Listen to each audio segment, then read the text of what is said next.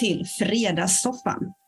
En programserie där vi eh, lär känna intressanta och framgångsrika näringsprofiler. Och det är vi som har känt eh, och bestämt vad vi tycker är intressanta och framgångsrika.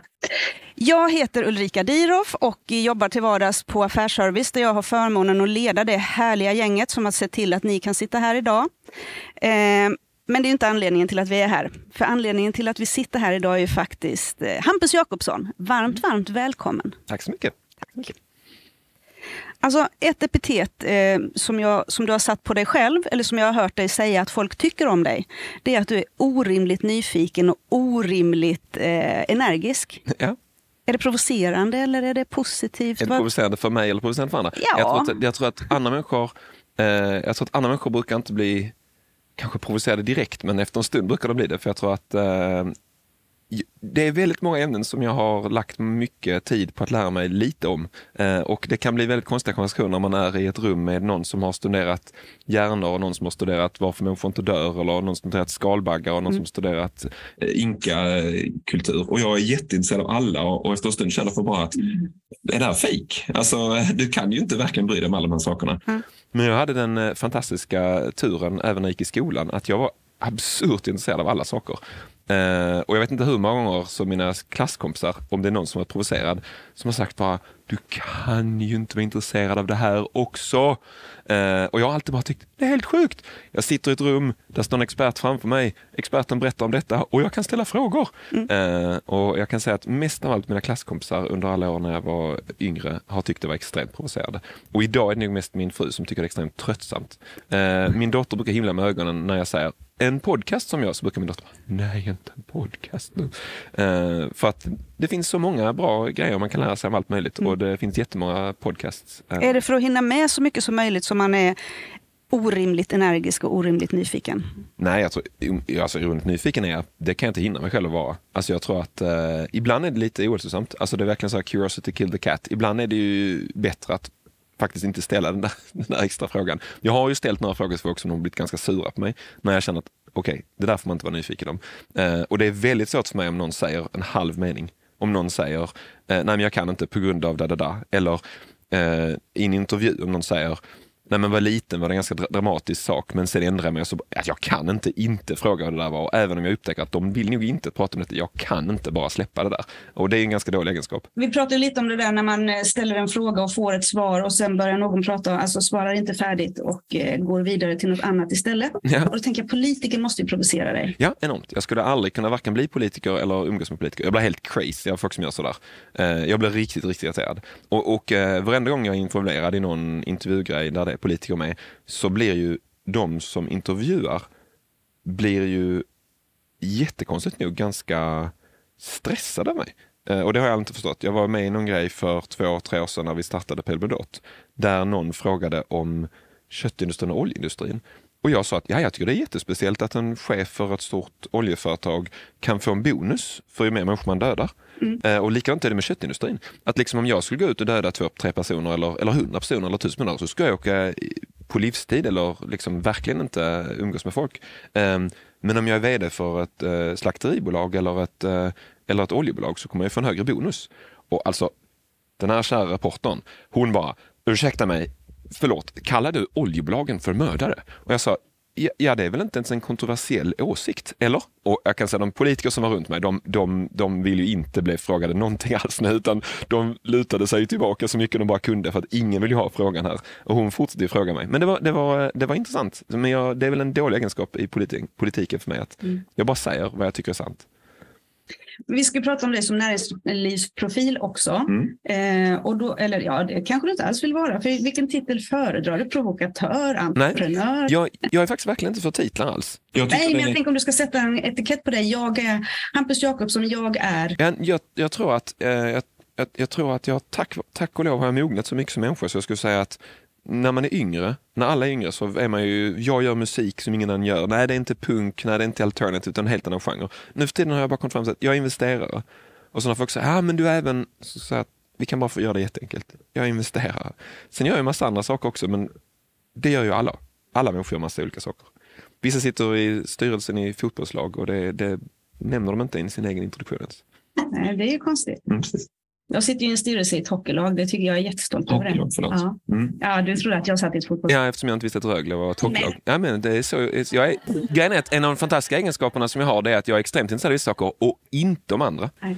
Så att en av mina vanliga saker som händer när jag är på saker i Stockholm är att folk säger det är så himla roligt för att bla bla bla bla eh, som kommer. Jo men du vet, hennes pappa är ju, och så säger de vem hennes pappa är och så säger jag, jag vet inte vem det är. Så säger jag, fast du måste veta vem det här är.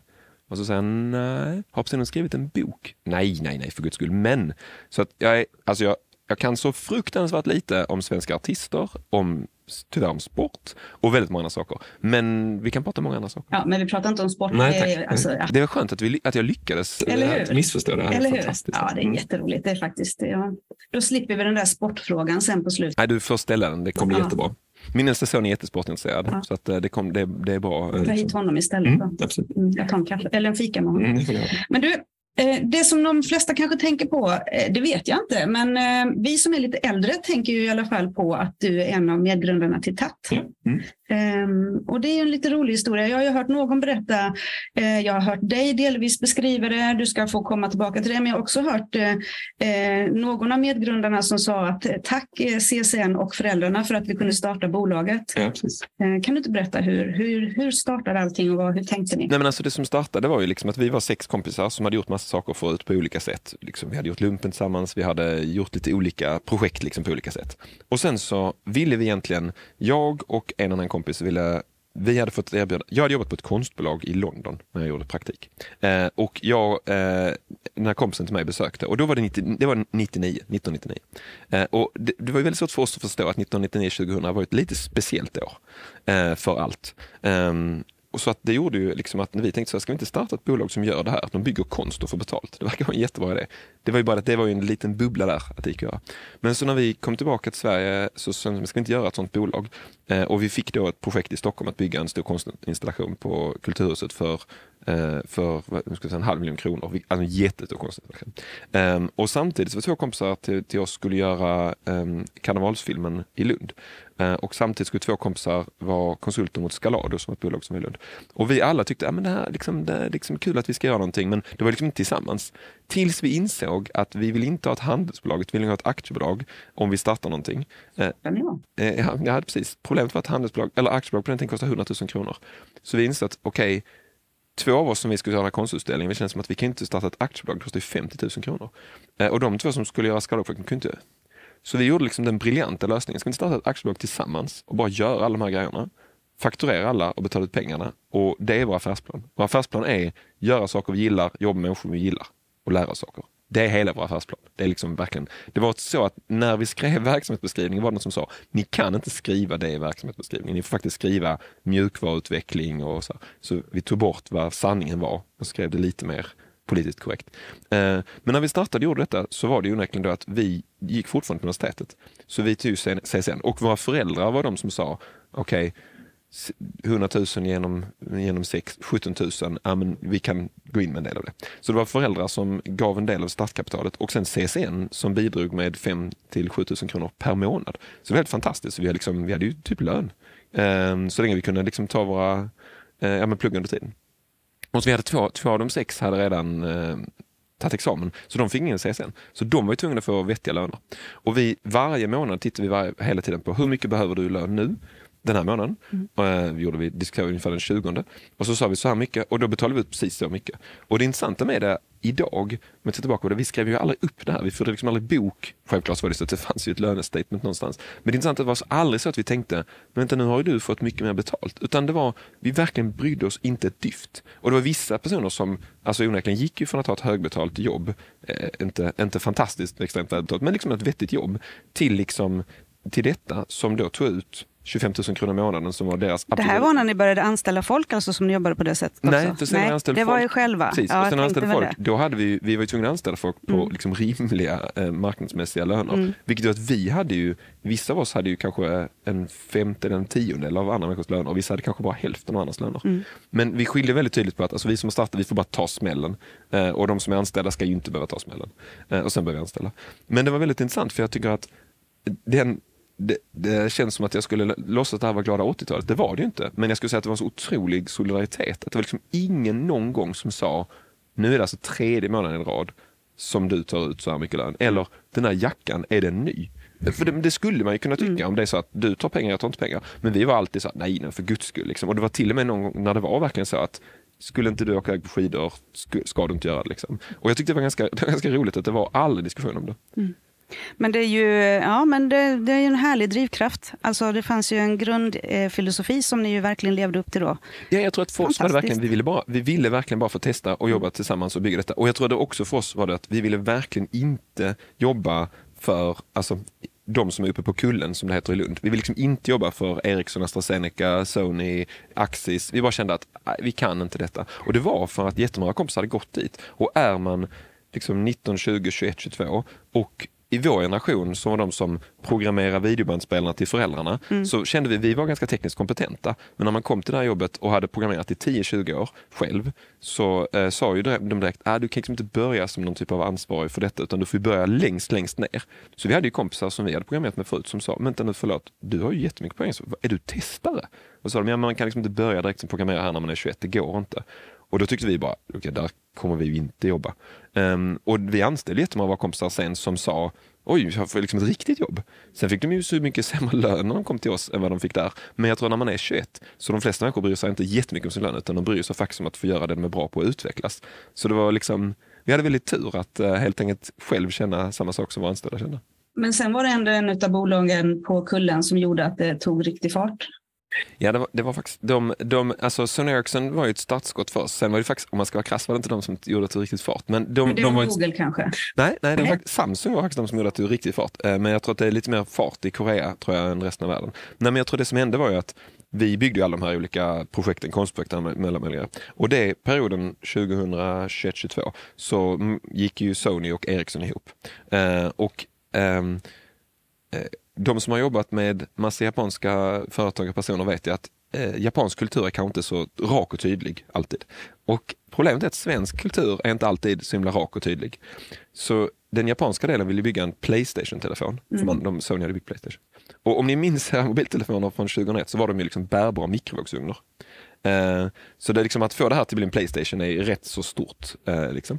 Och jag vet inte om ni har träffat svenskar, men det är inte så att svenskar säger det där går inte. Utan folk säger lite så mm. Så det gick ju några månader här liksom utan att varken japanska sidan eller svenska sidan verkligen sa lägg av, det går inte. Och eh, en efter en hade ju rest upp handen och sagt jag kan ta det här, jag kan ta det här och ingen riktigt vågade säga det här kommer gå åt helvete. Um, och det slutade plötsligt med att en kompis till oss som hade sträckt upp handen på ett möte och sagt jag kan vara ansvarig för ikonerna och liksom grafiken.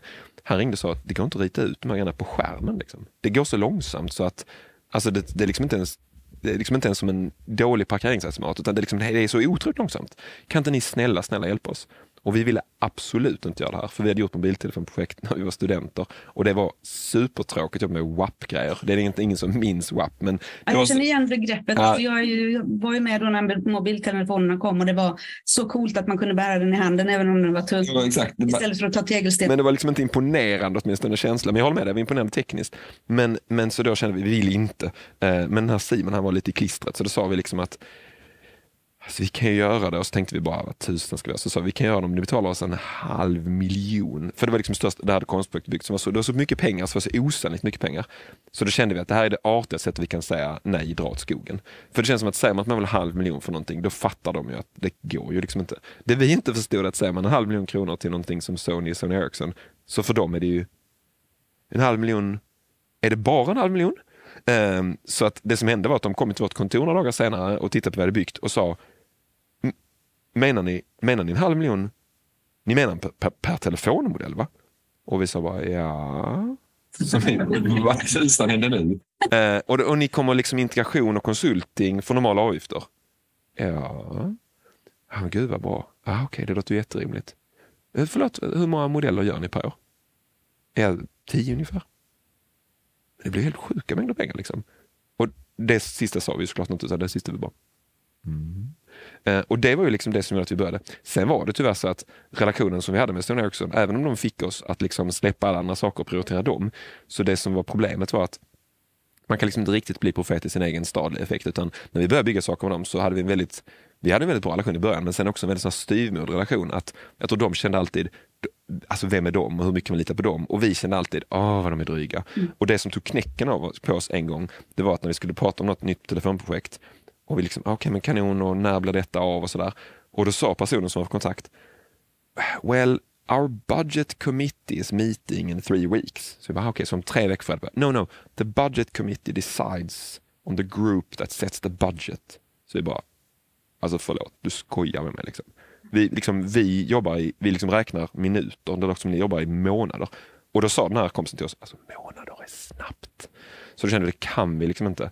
Så då frågade vi runt och bara, någon måste ju kunna, för vi var så, det började liksom, vi började bli uttråkade. Kände, vad ska vi göra? Liksom, vi kan inte vänta på att ett kommittémöte ska utse någon som sen ska utse någon som sen ska skriva ett spreadsheet. Liksom. Det här blir för tråkigt. Mm. Och då var det Scalado-folket som vi då kände och hade konsultat lite för. De sa att ni borde träffa Samsung, de är rätt så de är lite farliga, men ni kanske ska träffa dem. Liksom. Mm. Så då åkte vi och träffade dem och de var det fart i. Härligt. Sol gillar du? Sol? Ja. Seoul. Soul, ja exakt. Ja, ja jag gillar du ja, exakt, Soul också. också. Ja, Soul gillar, jag kan säga att vi var väldigt många, alltså vi var ju, eh, Samsung sitter i Suwon som är söder om Seoul. Ja. Men, eh, men vi har varit i, vi var ju i, jag har varit i varenda liten fabriksdel av eh, Korea också för att deras telefoner byggs ju på massa olika ställen. Så, men det var väldigt, väldigt kul. Ehm, så, ja. Men jag tänker vad som har format dig, din bakgrund. Vi har inte alls kommit in på det, men hur eh, liksom familjen, inte din familj som du har valt, Nej. utan den familjen som du föddes i, hur ser den ut? Alltså jag, jag har ju liksom tre äldre, tre syskon som är nio, eh, eller åtta, nio och elva år äldre än jag. Och när man har den situationen, och sen två föräldrar onekligen. Och när man har, det är lite som att jag har, jag har liksom, när man är sladdbarn har man, jag har fem föräldrar. Liksom. Så jag tror fördelen med det, det är att allting som någonsin någon har gjort har, alltså allt jag någonsin vill göra har någon annan redan provat. Och, så om jag säger att jag ska hoppa från ett träd och skjuta med en, vad heter det på typ svenska, BB-gun? En, um, Um, slangbella? ja, nej, jag menar sån här Soft airgun? soft airgun, exakt ja. Det är skönt att du får ett annat engelskt ord. Det visar, eh, Hur gammal jag är? Ja, exakt, ja, det, finns, det heter något men hur som helst. Eh, och skjuta upp ballonger som var satta för den och trilla ner i poolen med den. och sånt. Så om jag skulle ställa en fråga till mina föräldrar så skulle de säga, men det gjorde Andreas jättebra. Alltså det är okej, bara kör liksom. Sån här fråga inte. Eh, och det var samt, samtidigt var det liksom så att om jag ställde vissa saker så var det att det kan jag inte. Eh, för det har någon annan skadat sig enormt på. Liksom. Så det var intressant för jag kände, eh, mina föräldrar eller väl upp en extrem laissez-faire-kultur som är liksom, men gör, bara gör något, liksom, bara det löser sig. Eh, och det gjorde ju att jag blev väldigt bra på att liksom, ta initiativ och lösa situationer. Och en av mina favoritsaker som, jag, eh, som har hänt, eh, som, som är en bra story, en anekdot kring hur det kunde te sig, det var att när jag var, när jag var nio så var vi och åkte i Alperna, åkte skidor i Alperna. Eh, jag och mina föräldrar med en annan familj. Och, och eh, jag åkte då mest med Oskar som var 12-13 år gammal. Och, och en gång så vi åkte upp i kabinen där uppe och Oskar och jag kom igång och började köra direkt och åkte. Och mina föräldrar och Oskars föräldrar började köra härnäst. Och när det gått ungefär en halvtimme, som ändå, då har man kommit en bit i Alperna, liksom, då inser Oskars föräldrar att Hampus och Oskar har åkt ner i Italien och vi är i Österrike. Liksom. Så de är på fel sida berget. För de hittar verkligen inte oss och nu börjar de få panik. Och Oskar har också insett detta. Ja. Och Oskar börjar få riktig panik. Ehm, och jag är liksom så här, alltså det finns ju en botten här också. Vi åker ner, vi åker runt, det löser liksom. Och det är liksom sista liften så det är inte så mycket att be för utan det är, det här är, vi får bara lösa det här. Och Oskar, han tycker inte det är jättekul Oskars föräldrar tycker det är ännu mindre kul. Eh, och det slutar med att Oskars föräldrar, hur kan ni vara så lugna? Och då säger mina föräldrar, men Hampus kommer lösa, de kommer liksom komma runt. Och då pratar Hampus italienska? och då säger, då säger, Oskar, då säger mina föräldrar, "Eh, jag tror inte det. Ehm, men liksom, och vi kom ju i en taxi runt berget. Det var en dyr taxi, liksom, men vi kom runt. Liksom. Ja. Men jag, menar, jag, hade, liksom, jag växte väldigt mycket upp i, alltså du får bara lösa det. Liksom. Det var inte det här mina föräldrar tänkte jag skulle lösa, men det var många andra stationer som bara var, alltså, det, det kommer att gå bra. Liksom. Ehm, och det gjorde det, det var väldigt lätt för mig att bara tänka, jag får bara lösa det här. Liksom. Ehm, det är väl, det är väl ganska, ganska, jag upplever nu själv att det är svårt som förälder att vara mot sina barn, men jag önskar att det skulle vara lättare att vara mot sina barn. Jag skulle få väldigt mycket panik om mina barn åkte ner i fel land. Förstår det. Mm. Coola föräldrar. Är, du upp, är Lund uppväxtstaden? Nej? En liten ort utanför, mitt emellan Löddeköpinge och ehm, Landskrona. Så, alltså absolut ingenstans. Till den nivån att när jag, brukar, när jag började gymnasiet så, så, så sa jag, alla berättade var de kom ifrån, eller vad de sa. Robert från Stockholm, så var Johan från Löddeköpinge, Hampus från Ålstorp 5 Jo- och direkt säger Stockholm, Ålstorp 5, låter som ett utvecklingsprojekt. Är det en riktig stad? Så jag bara, nej, det är, det är 60 hus, vid Lundåkarsrondellen. Men det måste mena att det heter Allstorp. Bara, Nej, det heter faktiskt Ålstorp 5. Alltså 5 är en del av namnet. Um, ingen aning varför det är så. Den som kasar E6 vet vad Ålstorp är. Ja, det vet de säkert. Ja. Men det, det, Ålstorp 5 är viktigt för det finns Ja, alltså fler Ålstorp. känner jag inte till, men Ålstorp Nej, känner jag till. precis, ja. Mm. Eh, Ja, att det är så ofta man får åka av där eftersom det händer en del olyckor på E6. Precis. Då får man kringelikroka sig där. Så att, Till Bjuv där, när man tänker Bjuv. ja, men man åker ju liksom Hofterup och Åsyn. Exakt, ja, men nu, nu, precis, exakt ja. Ja. Där vid Håstorp finns ett annat Ålstorp också. Så, men där, Då kanske jag Exakt. tänker på fel. precis, det är den farliga. Alldeles säkert. ja, men, ja, spännande. Men du, du har ju varit på eh, TAT har vi varit inne på och eh, vi har inte nämnt att Blackberry eh, sen köpte det. Vill du prata något om det eller vill du? Vad som är spännande kring det, vi blev uppköpta av Blackberry. Det var ju, det var ju väldigt, väldigt, eh, det hände ju några gånger under Tats levnadstid att olika möjliga kunder kom till oss och sa vi vill köpa er. Och ibland var det ju ett test att de egentligen inte ville köpa oss, men att de ville avgöra om de licensierar våra grejer, hur lätta skulle vi att köpa av andra? Eh, det hände oss, det ibland ringde folk från, ja men, en gång ringde Swedbanks ma team och sa att de hade en prospekt för en kund och rabblade massa och vi bara sa förlåt, vi är verkligen inte intresserade. Eh, Och de fortsatte försöka övertyga oss på telefonen och sa vi är verkligen intresserade, så la vi på. Och tre år senare i en bastu i Helsinki så eh, eh, fick jag reda på att det var Nokia som hade sagt kan ni snälla försöka köpa det och alltså vi vill egentligen bara veta om de är villiga att sälja. Um, så att, aha, okej, det var det som hände. Men det som hände plötsligt en dag det är att eh, Blackberry ringde och sa vi vill köpa er och vi tänkte Ja, ja, nu händer det igen. Nu ska de bli kund. Liksom. Um, och då flög jag och en kollega till Toronto och träffade dem. Eh, och de var ju väldigt, väldigt tydliga med att nej, nej, vi vill köpa er. Och vi vill köpa er på sex veckor. Och vi vill liksom göra det nu enkelt och snabbt. Um, och då tänkte vi förmodligen att de kommer, nog, de kommer nog bli kund. Men då flög de hit ett stort team här och började integrera direkt. Och vi tänkte det är det bästa för att då kommer det bli tydligt för dem att de kan vara kund. I, liksom, det är i bästa fallet. Och sen i andra fallet så har vi ju Alltså vi har en ärlig relation. Liksom. Så de var här, bodde här i Malmö och gjorde massa grejer. Eh, men sex veckor senare sa de, ja nu är det klart, nu köper vi er. Liksom. Eh, så att vi bodde här på en advokatbyrå i eh, fem, sex dagar eh, med väldigt lite sömn. Eh, och sen när de köpte så frågade han som var vd, frågade, vill du köra en del av uppköp till mig? Eh, M&A.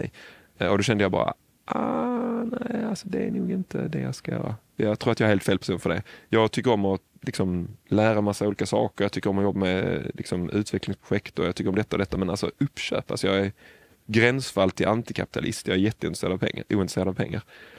Och så sa han nej men alltså det kommer jättebra. Ja okej, Ehm, okej, då får jag väl göra det då. Ehm, och sen visade det sig att det var jättebra. För att jag hade inte aldrig tänkt innan på att pengar som motor till att kunna driva förändring. Så att det var jätteintressant för menar, Blackberry var 17 000 pers, börsnoterade på Nasdaq. Liksom en av de ledande bolagen. Det var liksom den största smartphone-tillverkaren i världen eh, de åren. Apple började ju röra sig uppåt men Blackberry var helt dominant.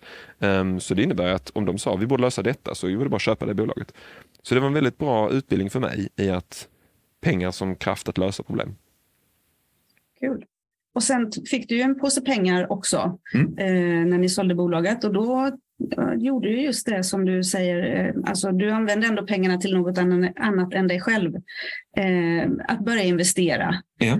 Och då var du först kallade du dig för affärsängel eller ängelinvesterare och nu använder du mer ordet investerare, eller? Mm. Ja. Och vad är, liksom, vad är skillnaderna mellan affärsängel och eh, investerare Nej, men jag för skulle, en nej, precis. Jag, nu har jag gjort liksom nästan alla varianter av det här också för att jag har, liksom, jag har byggt några bolag. Ehm, jag har ängelinvesterat i lite mer än 100, vad det är, 100, 110 bolag. Ehm, jag har jobbat för en, en ganska stor fond som har ganska stora investeringar i ganska komplexa saker. Jag har startat ett multifamily office som investerade direkt i bolag ehm, och sen Payblodot. Och jag skulle säga att det är ganska intressant som är en, en VC-fond. Eh, Sverige, vi har tyvärr inget bra ord i svenskan för detta, för att vi säger riskkapital och riskkapital har liksom private equity och venture och allting i sig. Men jag skulle säga att om man är ängelinvesterare så ska jag säga att det är mer som att dejta när man är i högstadiet gymnasiet. Att man, liksom, man är jättepepp på någon och är jättekul, men om det här inte funkar så kan man bara skita i dem och gå iväg. Sen blir det en dålig relation, men man är inte så jättebundna till varandra. Man sitter på samma aktie, man sitter på liksom cap table, men ärligt talat, vad ska de förvänta sig av en? Eh, för att det är inte din professionell, du gör något annat egentligen, utan det här är ju för att du är jätteintresserad av dem. Och, och, och, på det sättet kan ingen investerare vara de bästa, men också de sämsta. Mm. För att de, de bästa kompisarna man hade i gymnasiet var ju de bästa och de sämsta visade sig att de var falska kompisar. Liksom. Um, men den skillnaden är att när man är en riskkapitalfond eller en VC-fond som är en early stage venture fund, då är det mycket mer som att gifta sig. Det är liksom att vi gör 30 till 40 investeringar totalt under fondens liv. Det vill säga, och vi, 3,5 år ungefär, eh, vi gör fonden på. Så vi gör en investering i månaden. Och den investeringen är ju, det är inte bara det att, det är många, det är inte bara att vi gör den investeringen, utan att göra den investeringen betyder att vi gör inte en av de andra 110 som vi träffade i månaden. Um, och det liksom, som en venture fund så är det ju så att vi kan bara förlora den miljonen euro vi sätter in. Men vi kan ju få hur mycket som helst. Mm. Men det vi kan förlora med att investera i det här bolaget, vi kan inte investera i en konkurrent.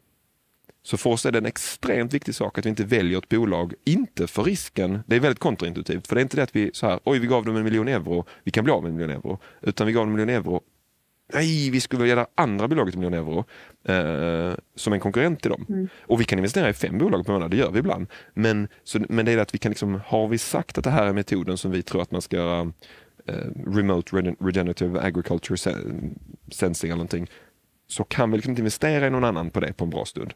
Um, och det, det gör att vi, vår metod är väldigt annorlunda. Så det är mycket mer long term. Och sen alla bolag vi investerar i, de träffar vi varannan vecka. Vi har dem alla på WhatsApp, vi jobbar supertajt med dem.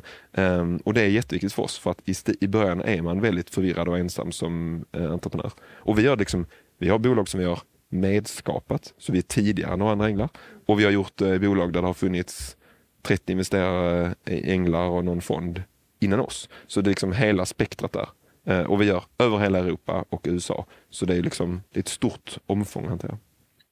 Pale Blue Dot, ni investerar bara i, skulle du kalla det green tech eller climate tech? Mm, jag skulle kalla det climate tech för att jag skulle säga att green tech för mig är den kategorin som är infrastrukturell. Mm. Så jag upplever att klimatproblemet har tre olika delar. Den har inequality, infrastructure innovation. Eh, och inequality-problemet är ju att vi liksom, globala norr har skapat problemet, globala söder tar problemet. Mm. Och det är väldigt, väldigt svårt att hantera det på något sätt kapitalmässigt. Det är väldigt svårt hur man ska lösa när det blir stormar i Bangladesh och det kommer en saltvatten mm. in i risodlingar. Det är väldigt svårt att hantera, att hitta en finansiell modell. Men onekligen måste problemet lösas ändå.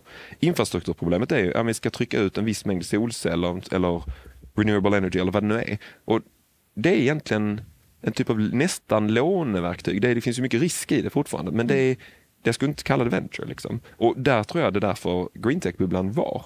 För att folk försökte applicera en venture-modell på någonting som faktiskt inte alls var spelat venture-likt. Om du försöker skapa någonting av sand, som ska bli lite mer, du, du, hanterar, du jobbar egentligen commodities med ganska låga marginaler mm. eh, och egentligen ganska låg innovationsgrad. Eh, och innovation-sidan är ju att du ska försöka göra någonting som, vi, vi ser det ju som att en tredjedel, tredjedel av våra bolag ska inte överleva efter två år. Alltså vi gör fel. vi, liksom, vi, blir liksom, vi kan ju vara så här.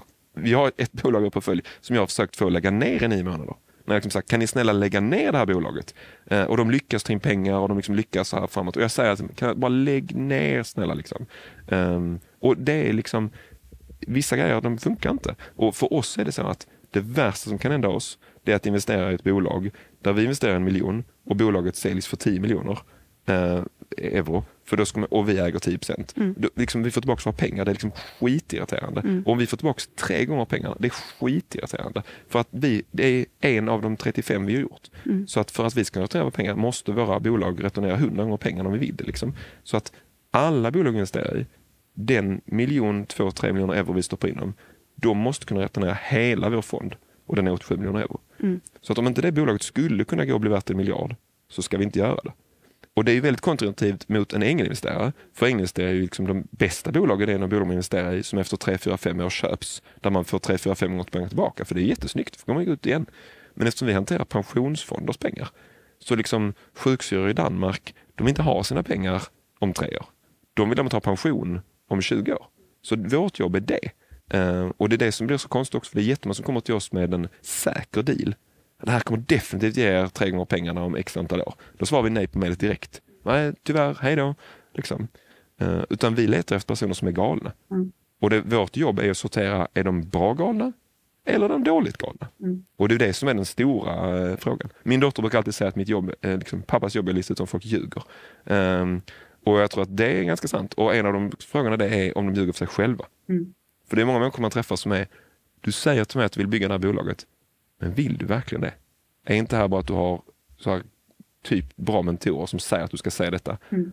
Eh, liksom. Och jag brukar alltid säga, en kompis till mig, nu är det länge sedan jag träffade henne, men hon var balettdansör och väldigt på elitnivå. Och en gång så tog hon av sig sina strumpor och jag såg hennes fötter. Eh, och jag var helt i chock och kände bara, jäklar dina fötter ser ut som skräp. Liksom. Vad är det, vem är det som gör vad med dig? Eh, och då sa hon, men alltså det är ju så här fötter ser ut på elitdansare. Det är liksom så här det är. Och jag tror att det är många som inte tänker det att om man tycker det är kul att spela fotboll korpen, eller om man tycker det är kul att spela landslaget, eller om man tycker det är kul att spela fotboll World Cup-nivå. Alltså det är, det är tre olika sporter. Liksom. Så att det är, World Cup. ja, för oss är det bara, alltså om någon säger till oss, det hade varit kul att stå på prispallen, då kommer vi liksom inte investera dem. Utan de investerar i personer som är, liksom de blir förbannade om vi, liksom, är du säker på att komma på prispallen? De får liksom, ska de smocka liksom? Mm. De, är, de är lite maniska, de är väldigt drivna, de är väldigt liksom in på den här, och de ofta har de insikter och tankar som andra människor kanske inte har. Och ni har inte hittat någon eh, med den personligheten i Sverige förstår jag? Jo. Jag Jo, visst. det. Vi har investerat i två bolag i, två bolag i Sverige, tre bolag i Sverige har vi faktiskt gjort nu. Tre bolag i Sverige, en i, en i Danmark, eh, två i Nederländerna, Belgien, två i Frankrike, fem i Tyskland, åtta i England, fyra i USA. Är England bäst i klassen då när det kommer till climate tech? Jag skulle nog säga att, jag skulle säga att alltså USA är väldigt, väldigt bra. Problemet med USA är att värderingarna är väldigt, väldigt höga. Väldigt, väldigt, väldigt höga. Som typ fyra gånger för höga. Ehm, och ganska så... ehm, his, historiskt sett var det väldigt svårt att hitta väldigt, väldigt genuina idéer. Det var väldigt många som hittade idéer där man kunde nästan utnyttja ett klimatproblem. Ehm, England är jättebra för att de har väldigt djup forskning, väldigt hög ambitionsnivå eh, och väldigt, väldigt lätt att rekrytera bra talang. Och Tyskland har haft väldigt bra också, vi har hittat bra. Ehm, jag skulle säga Norden, det som irriterar mig med Norden det är att vi har, en, näst, vi har den absolut högsta klimatmedvetenheten. Alltså, bara, ja, verkligen inte ens i närheten. Ehm, men kommersialiserar det inte. Det mest absurda för oss det är när vi träffar ett bolag från Tyskland eller England eller whatever och så berättar de en idé eh, och i samtalet så tänker jag bara så här, men vänta nu, det här är det, det, här är det mest uppenbara. Eh, Alltså, till exempel mina favoriter är ju man träffar bolag som gör olika typer av eh, vad heter det, recyclingsystem. Och, och de berättar om den här sjuka grejen. Liksom. Och för oss är det bara, du menar, du menar källsortering? Du menar verkligen bara konceptet källsortering nu? Och så inser man, det här är alltså, det här är i Sverige vi gör det här. Eh, eller värmepumpar. När liksom ett tyskt bolag berättar hur de ska ha den här fantastiska värmepumpen och du bara, men alla har ju värmepumpar. Och sen inser man, alla har inte värmepumpar. Det är, bara, det är bara Finland, och Sverige och Norge som har så mycket värmepumpar. Ingen annan har det. Liksom. Eh, Och det är ju jättelustigt att Sverige och liksom Norden, vi är superlångt framme på vissa grejer. Men banne mig, vi bygger inte bolag på det. Liksom. Eh, Ja, det är väldigt irriterande kan jag säga. Det är väldigt, väldigt irriterande. Hoppas att de som eh, jobbar med den typen av verksamheter och produkter lyssnar på det här nu så att de får sig en spark i baken och faktiskt sträcker på sig och kommer vidare. Jag tror så här, vi har väldigt många bra bolag i Sverige som är bolag. Mm. Alltså det finns enormt många fantastiska bolag som gör, fantastiska bolag som gör liksom, eh, waste handling och massa grejer. Men det finns få som är de här galna. Utan folk gör liksom saker som är rimliga. Som är typ så här, vi har en jättebra waste management process och vi kan bygga ett bolag som inom 10 år kommer omsätta 100 miljoner kronor. Det är ju ett bra bolag, det är verkligen ett jättebra bolag. Men för oss är det ett bolag vi inte vill röra. För det bolaget kommer ju aldrig returnera oss 87 miljoner euro. Det går liksom inte. Så för oss är det så att när vi träffar dem så är det bara, kan ni inte snälla, ni är de bästa inom detta, ni har så bra koll. Kan ni inte bara bygga det här modulärt så att ni kan skala det tio gånger snabbare? Ah, det blir jättesvårt. Men vad då svårt? Liksom? Så liksom lite så här, lite nöjda och lite så här. Men när man träffar de brittiska eller liksom de andra bolagen så kan de känna att vi ska göra det mest absurda någonsin. Liksom. Vi ska ha bakterier som äter plast gör om det till en annan plast när de gör det. Okej. Det är galet. Ja, låter Det finns galet. väldigt många som gör sådana här galna saker. Och det är det roliga jobbet nu. Att om man är väldigt energisk och har mycket nyfiken kan jag säga att det här är det bästa jobbet. Vi träffar ju många människor som gör konstiga saker. Du, galenskap, är det det viktigaste? Alltså ni tittar ju på fler saker såklart, Mm. men ehm, jämställdhet tittar ni på att de bolagen Ja. ska jämställa. Och när, när, ehm, är det ett krav för att ni ska investera? Det kan det inte bara vara eller? Nej, aldrig ett krav på något sätt Aldrig alls. krav. Nej, nej, inte alls. Nej, men vi är väldigt, väldigt glada. Vi har en superhög jämför... Vi, alltså vi har vi har, för det första har vi en av de absolut bästa, vi har jättemånga fonder i Europa som har kopierat vår jämställdhetsprocess och allt vi gör. Så att vi är både vår ESG-process och vår jämställdhetsprocess som en del av det såklart, är liksom någonting som många andra fonder har frågat oss om de kan titta på. Och Heidi hos oss, eh, en av mina kollegor, hon har drivit jättemycket Diversity VC som en engelsk standard för hur man internt jobbar med diversity. Som inte är mot bolaget utan som vi, hur vi internt gjort. Så jag skulle säga att vi, vi är jätte, jätteglada om hur långt vi har drivit det och vi tror ju, alltså vi tror att diversity eller vi tror, jag tror att alla egentligen som tänker efter tror och fattar att om man bara tänker att om man tänker liksom att män och kvinnor eller vilken annan som helst. I Sverige här pratar vi väldigt mycket om kön, men det finns ju hundra linser på det här. Liksom.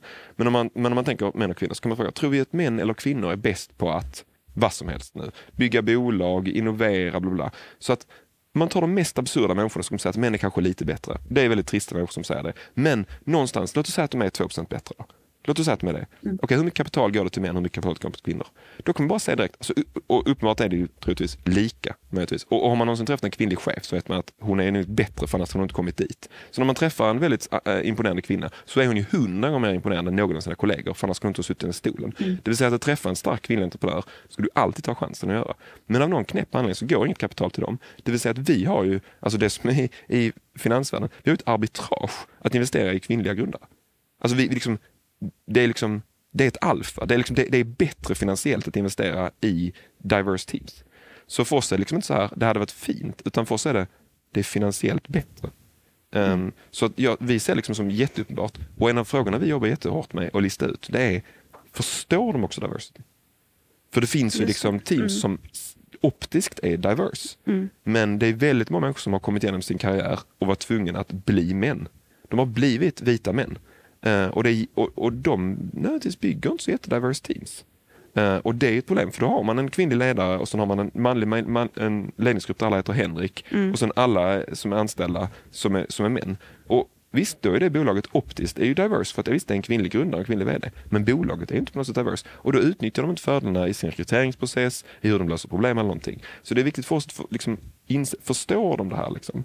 Uh, och, och, det är mycket högre sannolikhet om de själva är diverse. Mm. Men vi ser ju väldigt många team som har, tvungna, har varit tvungna att kämpa i motströms mot någonting är ofta bättre.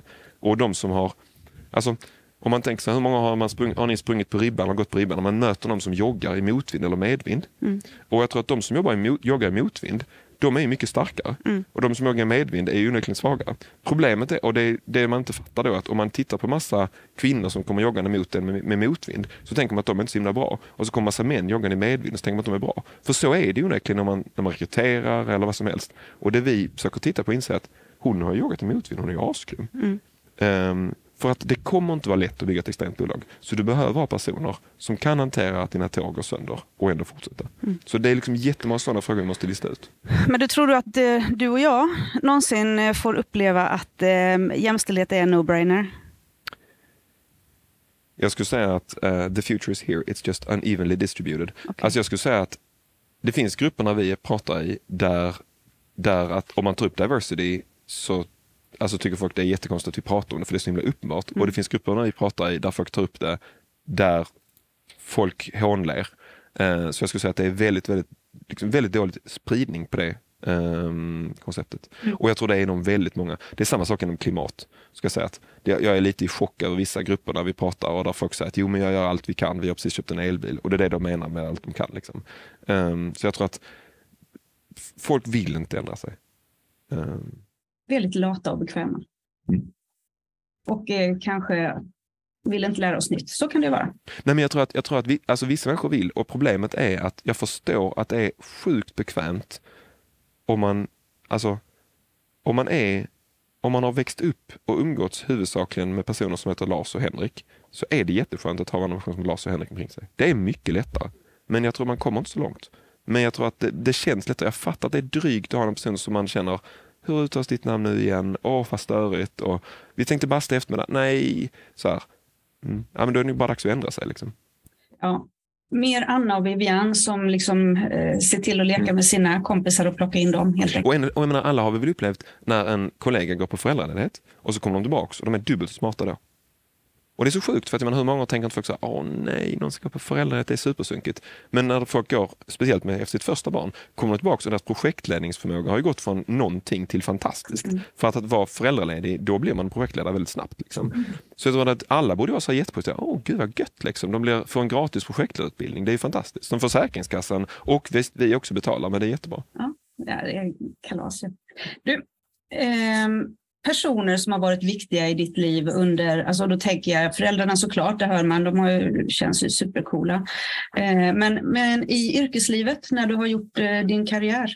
Alltså det är jättemånga personer som har påverkat jättemycket och jag tror att jag tror att det är, det är absurt hur många människor tycker jag som på olika sätt har antingen trott på oss eller hjälpt oss på olika sätt. Men sen är det vissa personer som har gjort overkliga saker. Charlotta Falvin har varit en person som hon lurade sig in på tatten, rackaren, eh, genom att eh, hon satt i en, hon satt i en Rapidus-jury kring ett, till ett Rapiduspris och hon intervjuades kring det här priset och sen så kom hon tillbaka efter några dagar och sa kan vi få ta en intervju till? Och vi tänkte bara så här, Rapiduspriset, alltså det är svårt att få alltså. Mm. Så hade vi en intervju till med Charlotta, hon ställde massor med frågor. Och så, så dagar så ville ha en intervju till och vi tänkte okej, okay, Rapiduspriset, alltså det, det, det var stort det här priset nu liksom. Vi trodde inte det var så svårt att få, men visst, så intervju till med henne. Och då fattade vi efter en stund att, aha, du är inte alls här för Rapiduspriset liksom. eh, utan det är något annat. Um, och då, för vi hade pratat jättemycket om att svårigheten med att skala ett bolag när ingen av oss egentligen ville vara VD. Att alla kände att vi ville inte behöva göra den här biten, vi ville bygga de olika andra delarna som vi gillade. Eh, och då hade hon ställt frågan på andra intervjun, liksom att, men hur ser ni då hur man ska rekrytera en VD? Och vi var liksom så här, det är skitsvårt. För hitta en person som ändå ja, men som alignar värdemässigt med oss och som detta och detta. Och sen på tredje intervjun så plötsligt så sa vi liksom, men ska liksom som, som du liksom någonting? Och så när vi sa det själva så Ah, nu fattar jag vad det här är. Uh, så då sa hon, ja det kan jag göra. Um, så då joinade hon som VD. Och det var ju fantastiskt för att jag tror att när man bygger ett bolag så är det ju eh, Ofta brukar jag prata om the grown up in the room. Att liksom att, för att problemet är att grundarna är, de är ganska galna, som jag sagt innan. Och då måste man ha någon som är sund. Men problemet med att ha någon som är sund, det är att det är väldigt svårt att ha en person som är riktigt, riktigt sund. För den personen kommer aldrig hantera vad man som Den kommer bli jätteuttråkad, liksom jättestressad. Och bara, ni kan tänka själva att vara CFO, med, äh, alltså finansansvarig, till någon som har Alltså kommer med sina kvitton i en pappkasse. Liksom. Alltså man har ju bara sagt, nej du, du, får inte göra så, alltså det går inte. Liksom. Utan man måste ju vilja ha struktur, men hantera att folk inte, inte är strukturerade. Och det är ju väldigt unik egenskap. Att liksom, det är ju lite en föräldraegenskap att vara så här, mm, okej, okay, absolut. Ge mig pappkassen nu snälla. Finns det andra kvitton? Eh, liksom, snälla. Um, och det fina med Charlotta var att Charlotta älskade att vara kring entreprenörer som var galna, men själv ville hon strukturera saker. Så när, och, Charlotta var inte den första grown up in the room vi, som joinade oss. Den hade vi en kille som heter Johan Almer. Så när vi började bygga bolaget så eh, hittade vi den här killen som en av mina medgrundare, Ludvig, hade träffat ute på Malmö nation eller vad det var eh, och druckit öl med, helt slumpartat. Eh, och sagt att han verkar vara så, han kan typ så här ekonomi. Och det var ju något helt okänt för oss. Så vi frågade den här Johan Almer om hur ska vi göra med bokföring, för det är rätt komplicerat hur vi ska göra detta. Och det visade sig att Johan Almer gjorde, han gjorde sin Bachelor och sen sin master, Masters på bokföring för små entreprenöriella bolag och sånt där. Och då kände vi bara, men det är helt perfekt. Vi fattar inte att det vi ber om är ju alltså extremt enkla saker. Men han lurar ju in sig så jag kan hjälpa er med det här. Så han joinade oss och vi upplevde honom som grown up in the room för han kunde ju verkligen säga, jag kan sätta den här i ett Excel-sheet. Och sen kan man se och sen kan man liksom titta på debit och kredit. Och vi var liksom så här, och det här är ord jag har hört men jag vill helst inte involvera det. Så han joinade oss jättetidigt. Och även om han var samma ålder som oss så var, blev ju han liksom den lite, när han märkte, vi har inte pengar på kontot, ni vet det va? Vi har inga pengar på kontot. Okej, okay, tack Johan, jättebra. Och sen var det en person några år senare, Fredrik Ademar som idag är på Spideo, som då satt på, han satt på Telica och Bigo. Eh, och han var kund, de skulle kanske bli kund till oss. De drygade enormt mycket. Men det var väldigt givet, Fredrik ville jättegärna att de skulle bli kund, men att han var irriterad på att de andra inte gjorde det i organisationen. Och på ett möte när alla hade gått ut och bara Fredrik och jag och min kollega Lud Ludvig satt kvar på eh, mötet. Och vi bara, vad kan vi göra Fredrik för att få det här att funka? Och, och Fredrik var väl, han var 6-7 år eller vad vi är. Nej, jag tror inte det kommer att gå. Vi bara, vad säger du, det kommer inte gå. Vi måste göra det här, vi vill jobba ihop med dig. Och då var det som att vi sa den här, oh, jag vill också jobba med er. Nej men, vänta nu, nu menar du något annat. Han bara, ja, jag vill jättegärna jobba för er. Så bara, va? Vill du? Vill, vill du? Du vet ju vad du sysslar med. Mm. Alltså du har ju koll liksom.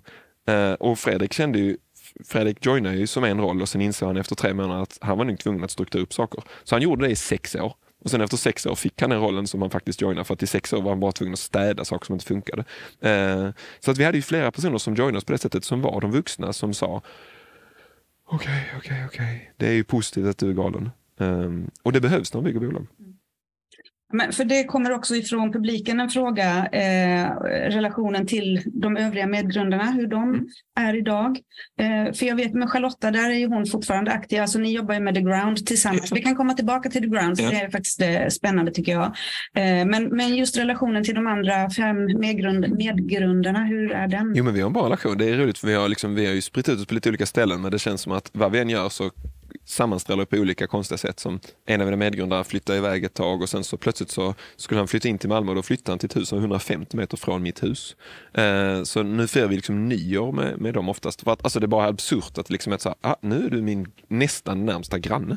Eh, och eh, Ludvig som en av mina medgrundare eh, flyttade till Stockholm och vi har liksom haft så här telefonrelation. Men när vi startade Pelbudot så frågade Ludvig, kan inte jag få investera i Pelbudot? Alltså det vill du inte. Jo men det vill jag verkligen. Så att, liksom, det har varit roligt att många av våra relationer har gått från att det har varit en kompisrelation från början till att det var en jobbrelation, till att det var en kompisrelation, till att det var en jobbrelation. Alltså så här, det känns som att man vet om att man gillar varandra, liksom man bara kopplar ihop världen. Och det är jättemånga av människorna som jobbar ihop på olika projekt. Eh, Ludvig är i styrelsen på Dr. ELK, som är hur man eh, på avstånd kan spela musik i synk med varandra. Och han har ju plockat in Per har gjort grejer till dem och Paul har gjort grejer till dem och alla möjliga och Kalle. Så, så de har, han har, liksom, vi har konstiga, det går inte att släppa varandra på något roligt mm. sätt. Nej, det är ju en häftig resa ni gjorde ihop så det är klart.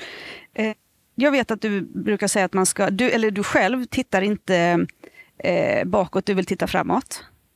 Eh, och det är liksom framåt, framåt, framåt. Det har vi ju förstått också när vi har lyssnat på dig. Men du har ändå som ett tips eh, när jag har läst en av dina blogginlägg eh, till eh, nya eller eh, unga entreprenörer att skriva dagbok, logga. Kan du utveckla det lite? Mm.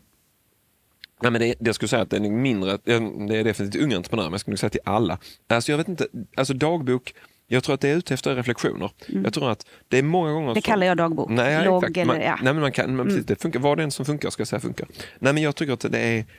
Jag tror väldigt mycket på att, undrar vad som heter på svenska, to live an examined life. Att liksom att försöka fundera på saker, varför man gör dem. Ja, det är många gånger när någon berättar vad de gör. Hur många kompisar eller annat har man inte som säger, jag gillar verkligen inte mitt jobb.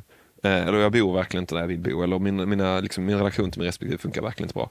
Och sen så ställer man frågan, varför slutar du inte då? Så, men det, är så, det, är, det är mer komplicerat än vad du tror. Men på vilket sätt är det mer komplicerat? Och så när du börjar gräva i det där en mm. stund. Jag sa att jag var lite för nyfiken ibland för mitt eget bästa. Så visar att personen är ju ganska nöjd. Liksom, alternativen är ju sämre. Liksom. Och det tror jag om man börjar liksom tänka efter själv vad man själv vill och ju tidigare man gör det, desto mindre risk är att man sitter en station sen när man säger det här vill ju inte jag, nu är jag fast. Liksom. För det är många människor som säger jag gillar inte mitt jobb, men om jag byter då får jag inte min lön och jag vill ha min lön för att jag vill bo i det här huset för att, och så vidare. Och så vidare. Mm. Och då är du fast. Mm. Så jag tror att ju tidigare man kan börja reflektera över saker i sitt liv, desto bättre. Och en annan sak som är helt fantastisk med detta är att jag upplever själv att det är väldigt svårt, jag upplever det väldigt svårt, att förstå om jag är bra på någonting alls. Um, och det är väldigt svårt att veta om jag lär mig någonting också. Um, och för det är en stor skillnad när man går i skolan. Så liksom, man får ett ämne, man läser in det, man skriver ett prov, man får reda på resultatet, man vet om man är bra på det. Men så fort man lämnar skolan så är det liksom så här, ah, okej okay, jag är chef för 3000 personer och ingen klagar, jag antar att det är bra. Eller?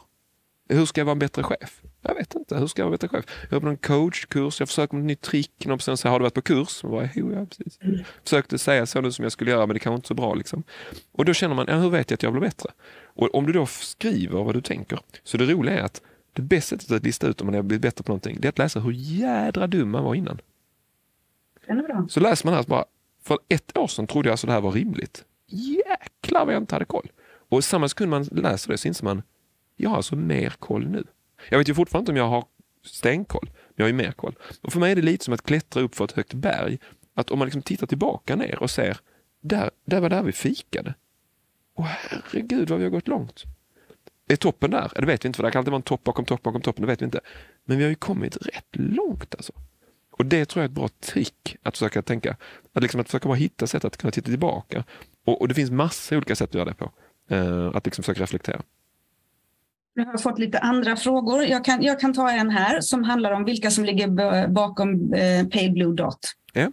Vi är tre personer som startade. Heidi Lindvall, Joel Larsson och jag. Och vi startade 20, mm, juni 2020 startade vi Pale Blue Dot 1. Um, ehm, Så det. Och vi, vi är Malmöbaserade fysiskt men sen är resten av hela teamet remote. Så vi sitter på massa olika platser. Vi brukade ha person. En av våra anställda kan, varenda Zoom-möte dyker hon upp någon annanstans. Häromdagen var det North Carolina där vi bara Hopp. Hennes man jobbar som någon HR-person som, jag, jag, tror han är lite som George Clooney i Up in the Air, att han avskedar folk egentligen. Men hon säger att han hjälper med personalutveckling. Jag tror egentligen han bara mm. flyger runt och kickar folk verkligen. Men hon hänger med honom för hon tycker det är asnice. Um, så att hon, uh, häromdagen när en av våra bolag ska ha en stor event i Kalifornien så sa hon, jag är i San Francisco precis den veckan.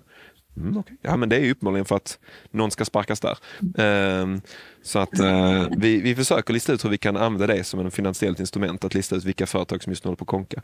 Men vi har fortfarande inte kunnat lista ut det än. Uh, men, uh, nej, nej men, men annars är vi utspridda lite överallt. Men vi försöker sammanstråla här en gång i kvartalet eh, och försöka vara i Malmö. Så vi var i teamet var i förra veckan var alla här um, och träffades i kött och blod kött och blod i mm. Malmö. I Malmö, precis. Du, vi har en, en eh, lyssnarfråga här också. När vinner en AI-mjukvara ett Nobelpris och i vilken kategori blir det?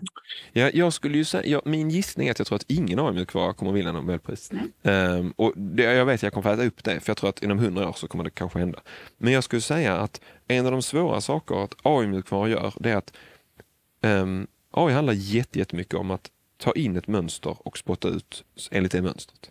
Så att om vi vet en regel för att göra någonting så kan en AI göra det bättre. Om vi inte vet en regel är det väldigt, väldigt svårt.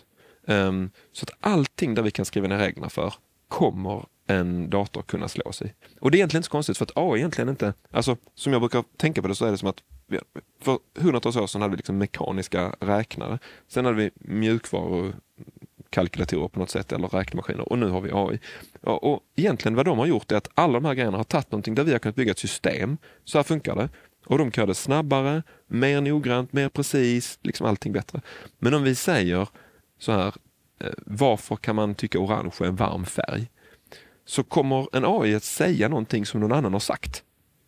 Men den kan aldrig säga någonting där man liksom känner, det, det där var nytt. Och, och jag vill pausa där för att alla säger, nej men jag har använt ChatGPT eller jag har använt Midjourney, den sprider helt nya bilder eller helt nya texter. Ja, den gör ju det. Men det någon har gjort är att någon matar in en grej. Det den egentligen tar, det är att den tar hundratals miljoner grejer, drar igenom det och spottar ut någonting tillbaka. Och den, det ser ju väldigt intelligent ut för det är ju, det är ju summan av hundratals miljoner syntetiserade grejer. Spottar ut någonting. Och när du läser det här så, så nej, nästa, nej, nästa. Den här är ju helt fantastisk. Då har du sorterat ut detta och så har du valt en som är jätteimponerande. Och det är lite, för mig är lite när folk påstår sig att AI är genialt, det är det lite som den där kompisen till er som precis vars barn är fyra och den där kompisen berättar för er att deras barn är ett geni.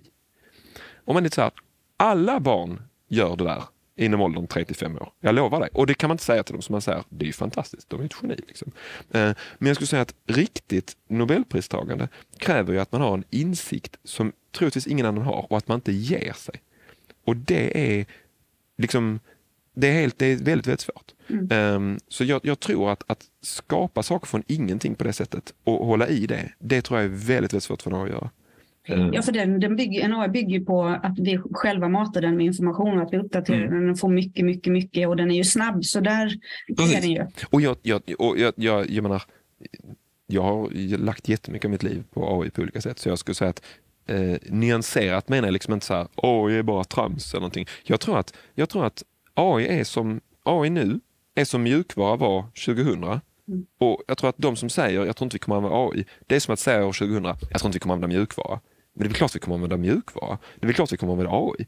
Kommer mjukvara lösa alla världens problem? Nej. Kommer AI lösa alla problem? Nej. Kommer mjukvara kunna göra att vi kan lösa alla världens problem? Ganska många. Kommer AI göra det ännu lättare? Ja, ganska många. Jättemånga av klimatproblemen handlar ju om att liksom förstå väder eller att kunna bygga en bättre vindturbin eller någonting. AI gör det ju mycket, mycket lättare. Liksom. Ja, för att den kan bearbeta så mycket så snabbt. Men du, ja, när vi är inne på AI så är ju inte blockchain AI, men eh, eh, jag skulle vilja att vi har jag några minuter till, fem kvar, men att vi byter några ord om det här med blockchain, hur du ser på det som en eh, demokratisk eh, företeelse. Jag skulle säga, blockchain är någonting som jag, tar, jag är teoretiskt extremt positiv, praktiskt extremt negativ till. Eh, och anledningen till det är att jag tror att det är en superskön det är liksom ett jättebra sätt att tänka. Att tänka om man kan göra ett system där man kan eh, tänk om man tänker sig en databas eller man tänker sig liksom ett postsystem där det inte finns ett postverk men där folk ändå kan leverera post. Så tänk om, tänk om man hade det, alla kan ju drömma upp det här att någon lantgård när liksom alla levererar post till alla. Liksom. Och det finns ju sådana, liksom, man åker ut på landet hittar man att men ni säljer mat till varandra. Den här, det funkar. Liksom. Mm. Och tänk man kan ta det och skala upp det. Så att alla kan liksom säga att jag tar din post och så lever, jag ska ändå till Stockholm, nej men vänta Göteborg, jag kan ta med den. Och det löser sig. Liksom. Lite, internet är lite så med hur man skickar information, det är fantastiskt, det funkar. Liksom. Och blockchain har samma sak fast du kan lägga in mycket mer vikt än att internet gör det ju fast bara transportera saker, alltså information. Mm. Men blockchain kan göra det med att du kan rösta eller värde eller vad som helst. Du kan göra massa saker med det. Problemet är att det är jättemänniskor som tar detta och som tänker de det här kommer lösa alla problem och, och nu applicerar det vad som helst. Och en sak som jag är väldigt orolig över med blockchain, det är en grej är kortsiktig, kortsiktig spekulation på idiotiska saker. Mm. Eh, liksom helt för. Men den andra grejen jag är ganska orolig över, det är att det är väldigt lätt att tro att blockchain löser ett problem. Det finns många saker där vi har en övertro till marknaden. Eh, och där marknaden inte kan lösa ett problem. Eh, och till exempel, eh, det finns många liksom, etiska frågor. Som när vi har byggt en marknad för det, så tror vi att marknaden löser det här. Eh, varför, varför, finns det, varför kostar en lägenhet så mycket eller whatever? Men det finns en etisk fråga som är att nej men alltså det var inte rätt familj som fick lägenheten. Men du säger, jo men det var det för de som la högsta budet vann den. Mm. Jo fast det är ju marknadens svar till varför det är rätt. Liksom. Det är ju inte det mänskliga svaret. Och jag menar, man kan säga jättemånga när marknaden har byggt någonting som faktiskt gjorde det sämre. En av mina favoritexempel är alltid Dolphin Free Tuna-labeln på 1990-talet. Som var att massor med protesterade och sa, ni kan inte, eh, när man fiskade tonfisk så dödar man delfin samtidigt om näten. Och av någon konstig anledning bryr sig människor mycket mer om delfiner än om tonfisk, mm. vilket är underligt. Men det var väldigt viktigt för folk. Folk har sett Flipper. Um, och Då sa man vi måste stoppa detta. Och folk protesterade och massa grejer. Och till slut sa de stora tonfiskfiskerierna okej okay, vi inför en Dolphin Free Tuna Label, satte den på och sa okej okay, i de här tonfiskburkarna kommer det inte finnas några, någon delfin i. Vi har liksom inte skadat några delfiner. Och då slutade alla protestera. Marknaden löste det. Om du är irriterad av detta, gå och köp den burken där det är en Dolphin Free Label. Det är löst. Liksom. Mm. Och de som inte bryr sig, köp vilken burk du vill. Liksom. Mm. Och då var det löst. Mm. Problemet var att det var ju bara några procent av de burkarna som såldes som var Dolphin Free Tuna. Det vill säga majoriteten av tonfisk som fiskades slaktade ju delfiner. Men det var ingen som brydde sig för marknaden löste det. Och det dröjde nästan nio år till innan folk började liksom långsamt säga vi måste ju ändra det här. Vi kan liksom inte låta delfiner bli slaktade. Eh, och det är väldigt oroligt när vi hela tiden säger sådär att ja, men marknaden löser det här ganska bra. Nej, men det är en etisk fråga. Liksom. Du kan liksom inte bara säga att priset gör det här rätt. För att folk kommer liksom, de som bryr sig kommer kanske betala mer. Och de som inte bryr sig, de kommer jättenära för att priset inte går upp. Men vissa saker måste vi bara säga. Om du vill ha det så är det dyrare. För det är, du får inte göra så. Eller det är förbjudet att göra sådär. Eller det, du får max göra så här mycket. Liksom. Och det är Spännande tankar. Jag är jätteledsen för jag vet att folk kommer att bli så ledsna om inte jag ställer en fråga om vart andas du ut? Vart har du ditt smultronställe? Fysiskt eller mentalt? Både och. Eller Fys antingen eller. Ja. Jag läser overkligt mycket skönlitterära böcker och det är mitt ultimata smultronställe. Mm. Alltså jag, det finns ingenting som jag tycker är så nice att sitta med en kopp decaf te och läsa en skönlitterär bok och jag tycker det är helt fantastiskt. Nej. Skönlitteratur är det bästa sättet att kunna få resa in i andra människors huvuden. För när man läser en skönlitterär bok så är du en annan människa i några tusen sidor. Och det är så härligt för att det är fantastiskt att se det utifrån andra människors ögon. Mm. Och en eh, fråga som jag vet att Katarina alltid brukar ställa till eh, alla som sitter i den här fåtöljen. Mm. Eh, om du fick ta karaktären av en superhjälte för en dag eller ett dygn, vilken skulle du ta och vad skulle du göra då? Ja, det är en bra fråga Katarina. Mm. Ja, jag vet inte alltså. Jag är lite orolig att folk gör sådär allmänt, att folk säger Elon Musk är fantastisk och det de menar, eller eh, vem som helst, Uh, Astrid Lindgren är fantastisk. Och det de menar är en egenskap av den personen. Mm. Och jag tror superhjältar är vår tro är att man kan destillera människor ner till en egenskap. Och det är de ju inte. Det är ju ingen som är en egenskap. Så jag är alltid orolig när folk säger, liksom, även när folk får frågan, vem är din idol? Så ska jag säga att folk, folk är ganska komplexa. Liksom. Att jag tror att om du vill vara Elon Musk så får du ta alla Elon Musks negativa sidor också. Mm. Vill vi att världen inte skulle ha Elon Musk? Nej, nej, det hade jättebra för världen. Hade du velat vara Elon Musk? Nej, faktiskt inte alls. Liksom. Um, så jag tror det, det, är väldigt svårt. Jag, jag, jag, jag, jag tror att superhjältar är en, en dröm. Um, alltså en, en dröm att det är så lätt att destillera människor och det är det inte. Det var ett väldigt intressant svar. Tackar jag supermycket för. Och tack till alla er som har lyssnat och till den publik som vi faktiskt har här i lokalen också. Eh, men framförallt tack Hampus för att du kom hit den här morgonen och eh, delade dina tankar med oss. Stort tack och trevlig helg.